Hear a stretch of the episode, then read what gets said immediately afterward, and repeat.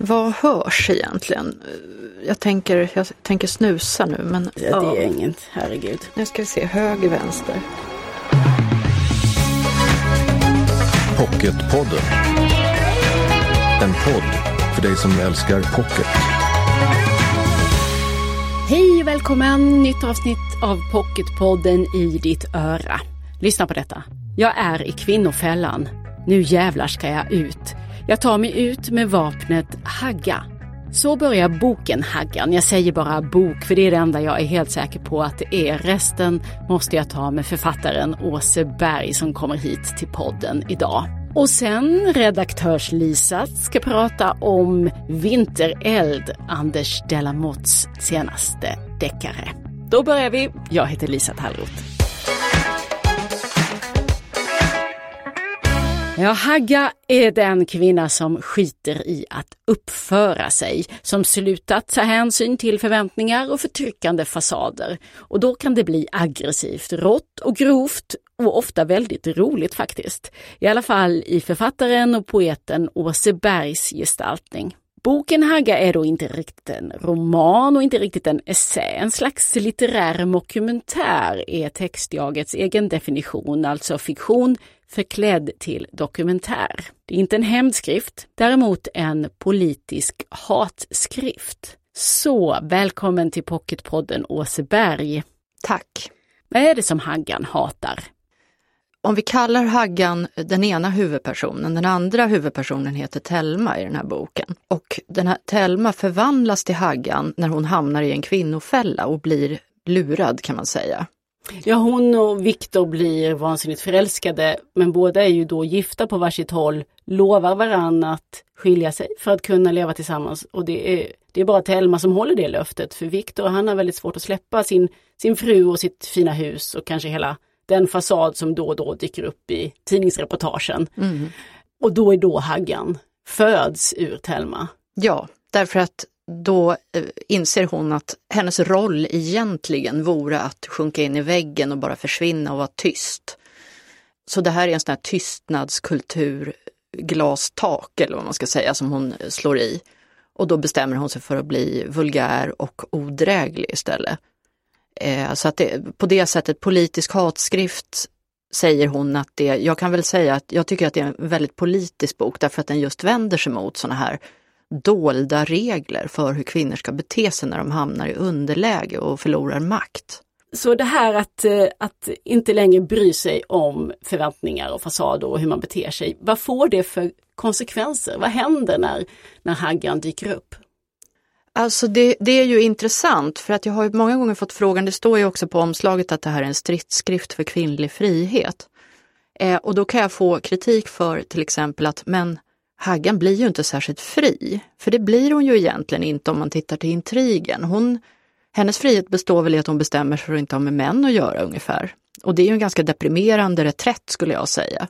Om, om det nu rör sig om en heterosexuell kvinna då. Hon ska alltså inte bli gay heller utan hon ska bara skita i alltihop. Så att den utvecklingen är väl inte så otroligt frigörande, men det som jag ser som frigörande i den här boken, Eh, lite i löndom, det är för det första är det själva ilskan som är väldigt tabubelagd. Att, att hon överhuvudtaget utövar den och inte skäms för den, utan hon använder den som ett sorts analytiskt vapen. Så att hon klarar sig ur den här situationen genom att analysera den jättenoga. Vad är det egentligen som händer? Vem har makten och varför? Varför hamnar jag i den här situationen? Vem tjänar på det och vem förlorar på det? Så jag skulle säga att det här är en frigörelsebok på det sättet att man kan läsa den för att studera hur maktstrukturer kan funka i kärlek. Mm. Och hur, vad kommer du fram till? Hur fungerar maktstrukturerna i den här kärlekshistorien? Ja, här fungerar det ju så att till en början så är de jämspelta, Telma och Viktor då, mannen. Men sen successivt så monteras hennes självförtroende ner och hennes styrka. Hon är en oerhört stark person som långsamt mals ner. Och det ligger på något sätt inte i, egentligen, det är inte så att den här mannen vill det eller ens är medveten om det. Det står någonstans, det är inte älskarinna som parasiterar på äktenskapet, det är äktenskapet som parasiterar på älskarinnan. Alltså det är inte ens mannen som parasiterar på henne utan det är mannen och hans hustru.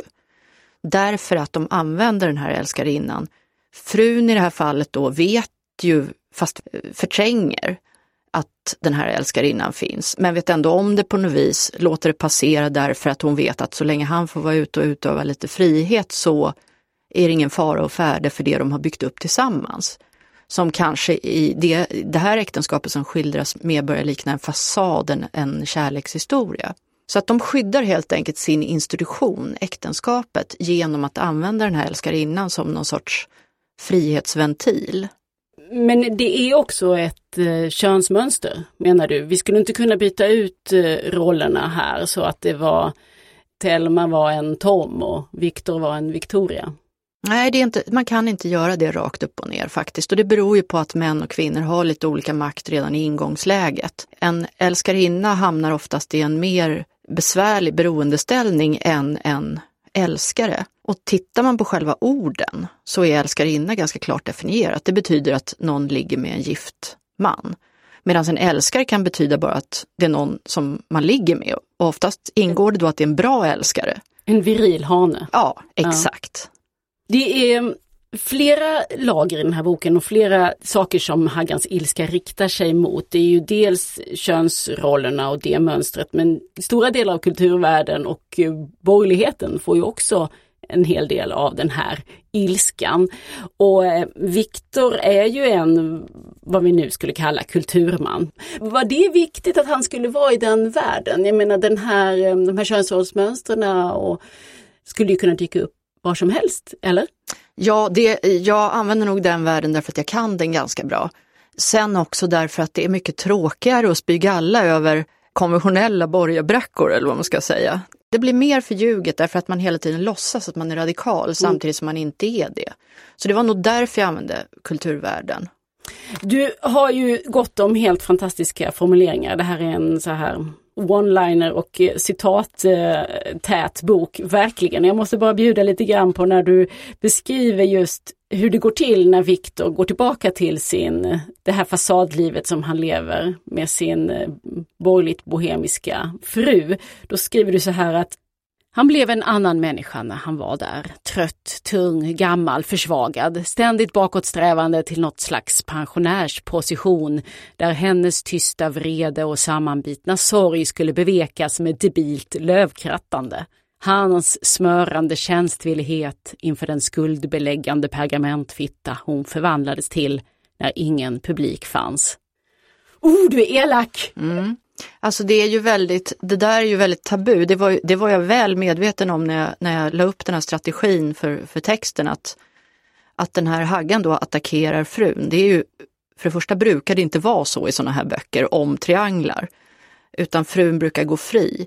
Men jag tänkte att det här var ett utmärkt tillfälle att göra huvudpersonen svår att förstå, lite osympatisk. Eh, just för att hon, gör, hon tänker ju sådana här saker som man inte får tänka, helt enkelt jag vet att det är många också som har tagit upp det i recensionerna så här att, du, att eh, Haggan är så otroligt elak då mot eh, hustrun, Madonnan som hon kallas i boken, hon får ju aldrig ens något namn. Och att man hade man förväntat sig alltså någon slags kvinnlig solidaritet mm. där eh, som du inte bjuder på.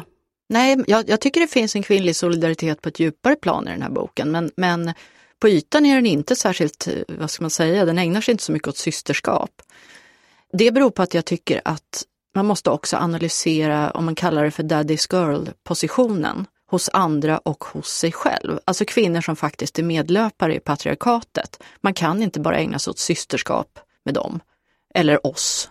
Jag kanske också är en medlöpare i patriarkatet som privatperson. Men då är det min, mitt personliga ansvar att faktiskt analysera det och inte bara använda mig av min roll. Om du fattar. Så att eh, det här bristande systerskapet handlar dels om, det är bara för att göra henne liksom osympatisk och aggressiv och provocerande på olika sätt. Eller visa att så här kan tankar se ut hos kvinnor, för det kan de ju. Det är jättemånga kvinnor som blir glada över det här också. Att de får vara så fula när de läser. Mm. Jag tror att, eller jag har ju tänkt mycket på när jag läser den här boken hur man ska få ihop de här två liksom, olika nivåerna. Dels den politiska analysen, genomskådandet av strukturerna som Haggan ägnar sig åt. men också hennes längtan efter tvåsamhet. Hon vill ju själv ha ett äktenskap mm. med Viktor. Ja. Det är ju detta äktenskap som hon eh, förtalar så mycket och säger att det är förljuget. Det är ju ändå det som är hennes egen dröm. Mm. Hur ska man få ihop de här två sakerna? Är det förenligt? Det äktenskapet hon vill ha är ju det äktenskapet där det råder frihet där man inte behöver hålla på med sina parmiddagar och visa upp en massa saker, utan ett äktenskap som faktiskt bygger på jämbördighet. Det skulle kunna vara ett äktenskap som, hon, jag tror hon föreslår någon gång att de ska ha ett äktenskap som de nästan inte berättar för någon att de ens har. Därför att hela den här aspekten av uppvisning ska försvinna. Jag menar, ska man visa upp ett lyckat liv, nu pratar vi inte om ett lyckligt liv utan ett lyckat liv, då måste man köpa jättemycket prylar. Ja. Man måste ha heminredning, man måste ha dyra hus, man måste byta ut sitt kök jätteofta. Det är väldigt komplicerat att visa upp den här lyckadheten. Man blir dessutom utbränd för man måste ha såna här jobbiga parmiddagar med skitjobbiga ingredienser på fredagskvällarna när man är jättetrött. Och vad hon propagerar för är väl att, men släpp allt det där. Kolla vad, vad är kärlek bortom de här grejerna. Så att jag tycker inte att det är någon motsägelse i det där alls egentligen. Sen kan man ju diskutera, och det tror jag, det diskuteras ju i boken också, ska man överhuvudtaget leva i sån här tvåsamhet?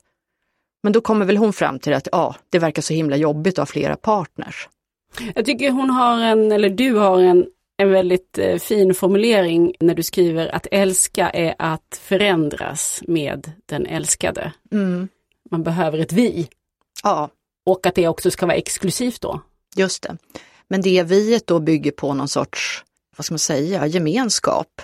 Kritiken mot den typen av äktenskap som skildras här är ju att den bör, det börjar ofta med att bygga på gemenskap men sen dyker upp så himla mycket praktiska saker samtidigt som man måste köra den här showen för att visa att man är normal och till och med duktig på att vara normal och sådär så att successivt, till slut har man bara en bostadsrätt ihop. Eh, och en massa praktiska födelsedagar med, med halvvuxna vuxna barn. Alltså det är som att den här, hela den här oerhört jobbiga konstruktionen dödar kärleken. Så det kanske egentligen är en ganska romantisk tanke att om man slapp alla de här prylarna, om man inte höll på så mycket med att försöka behaga alla andra, så skulle kärleken må mycket bättre och vara mycket mer jämställd. Det är väl det, det, är väl det som är idén egentligen. Mm. Haggan är ju en um, litterär figur.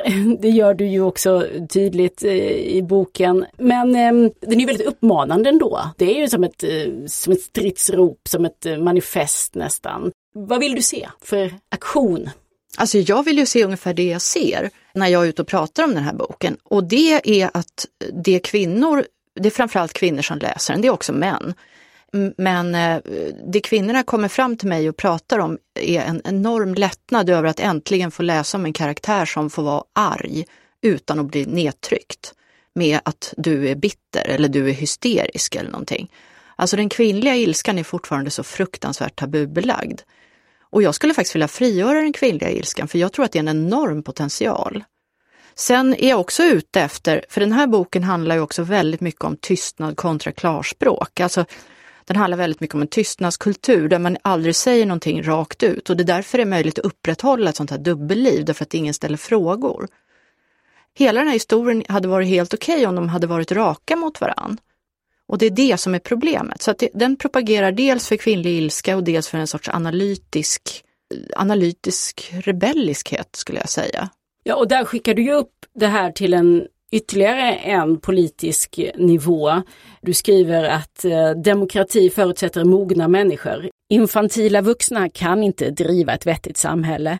Det är inte Sverigedemokrat trashfolket i kamouflagebyxor och tatueringar från de borttynade bruksorterna som är hotet mot demokratin. Och jag hoppar det är den livrädda medel och övre medelklassens omognad, hukande under varje livsavgörande ställningstagande som är samtidens mörka fara. Igen, fasaden, uppförandet, skammen. Det här handlar inte bara om manligt och kvinnligt. Nej, det gör det inte. Det handlar om klass också. Det är en klasskildring. Den här Telma kommer från en mycket lägre klass än den här Viktor. Och det handlar också om stad och landsbygd och skillnaden mellan det. Så att det finns ju en hela tiden en undertext som förhåller sig till det som händer politiskt i Sverige just nu och varför det händer. Men börjar vi närma oss Åsebergs röst här? Ja, det, det kan man säga. Just när det gäller de sakerna. Alltså när det gäller de här utbrotten ibland så kan jag också liksom känna sig, men herregud, kan hon hålla på så där? Hur orkar hon? Men när det gäller den här politiska tankegångarna, det är mera mm. min egen röst. Ibland är det lite, eller väldigt hårdraget kanske. Den här ganska fräsande ilskan, tycker du att den är liksom ett fungerande, ett fungerande motor för dig i ditt författarskap? Eller för dig som ja, i den här, varelse? I den här boken, jo men jag, jag kan ofta trycka på en ilskeknapp när jag skriver.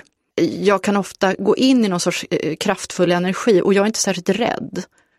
Av någon outgrundlig anledning så är jag inte så himla rädd för vad folk tycker om mig och det betyder att jag inte är särskilt rädd för att göra bort mig. Hur kommer det sig? Det vet jag inte. Det får du fråga min psykoanalytiker om.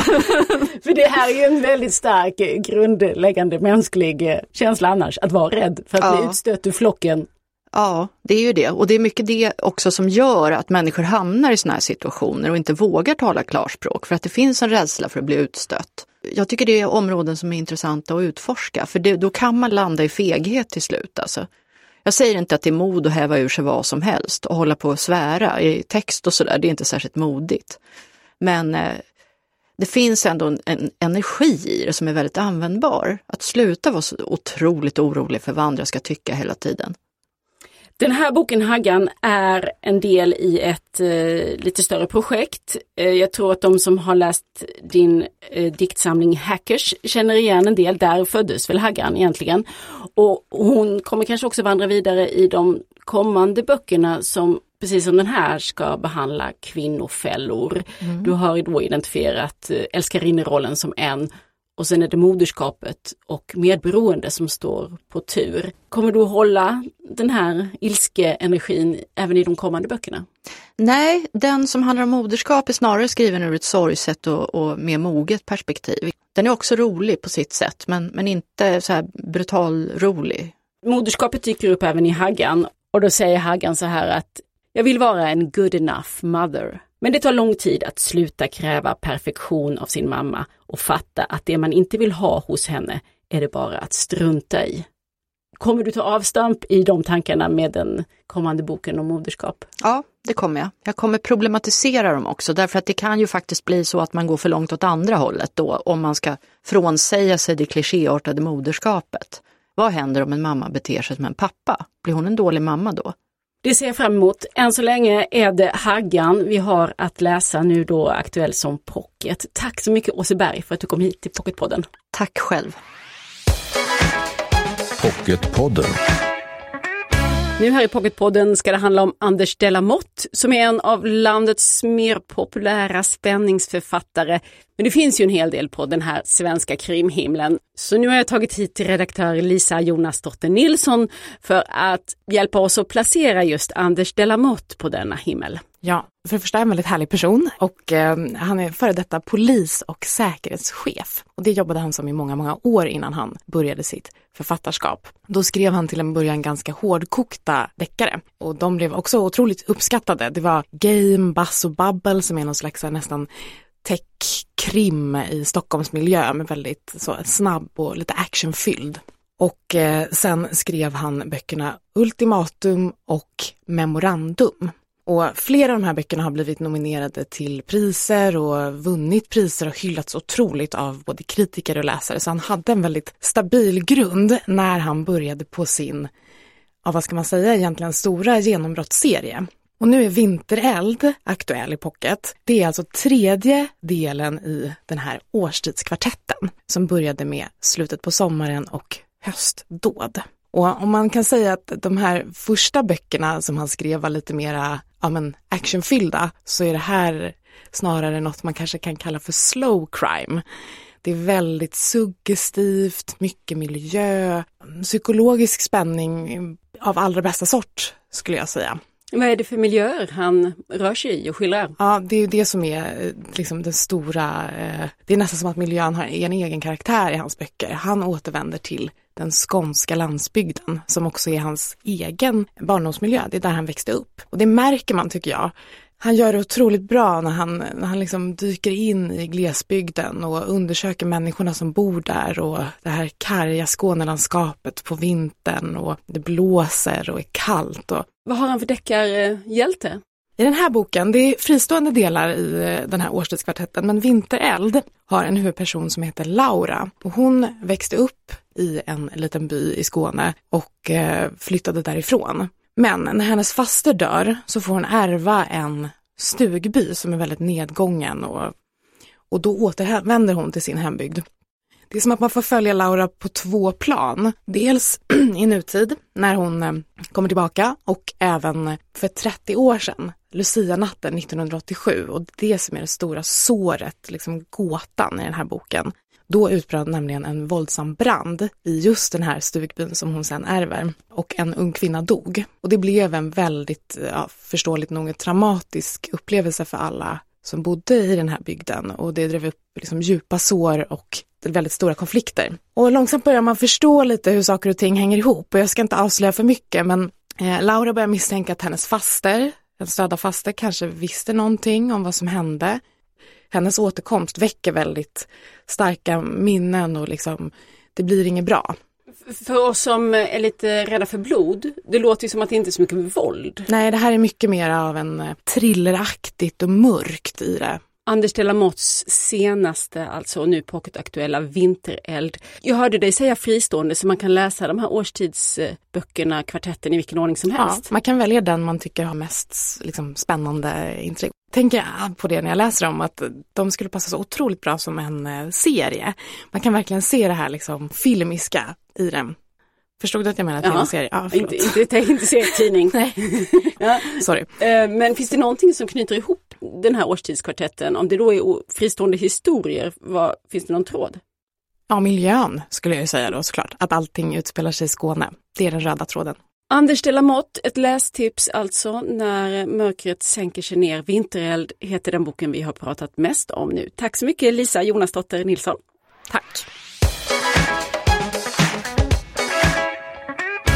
Med detta är Pocketpodden slut för idag. Nästa vecka kommer Magnus Montelius och då blir det politisk thriller.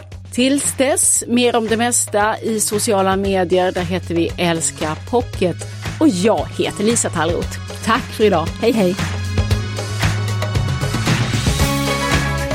Du har lyssnat på Pocketpodden. En podd från Bonnierförlagen.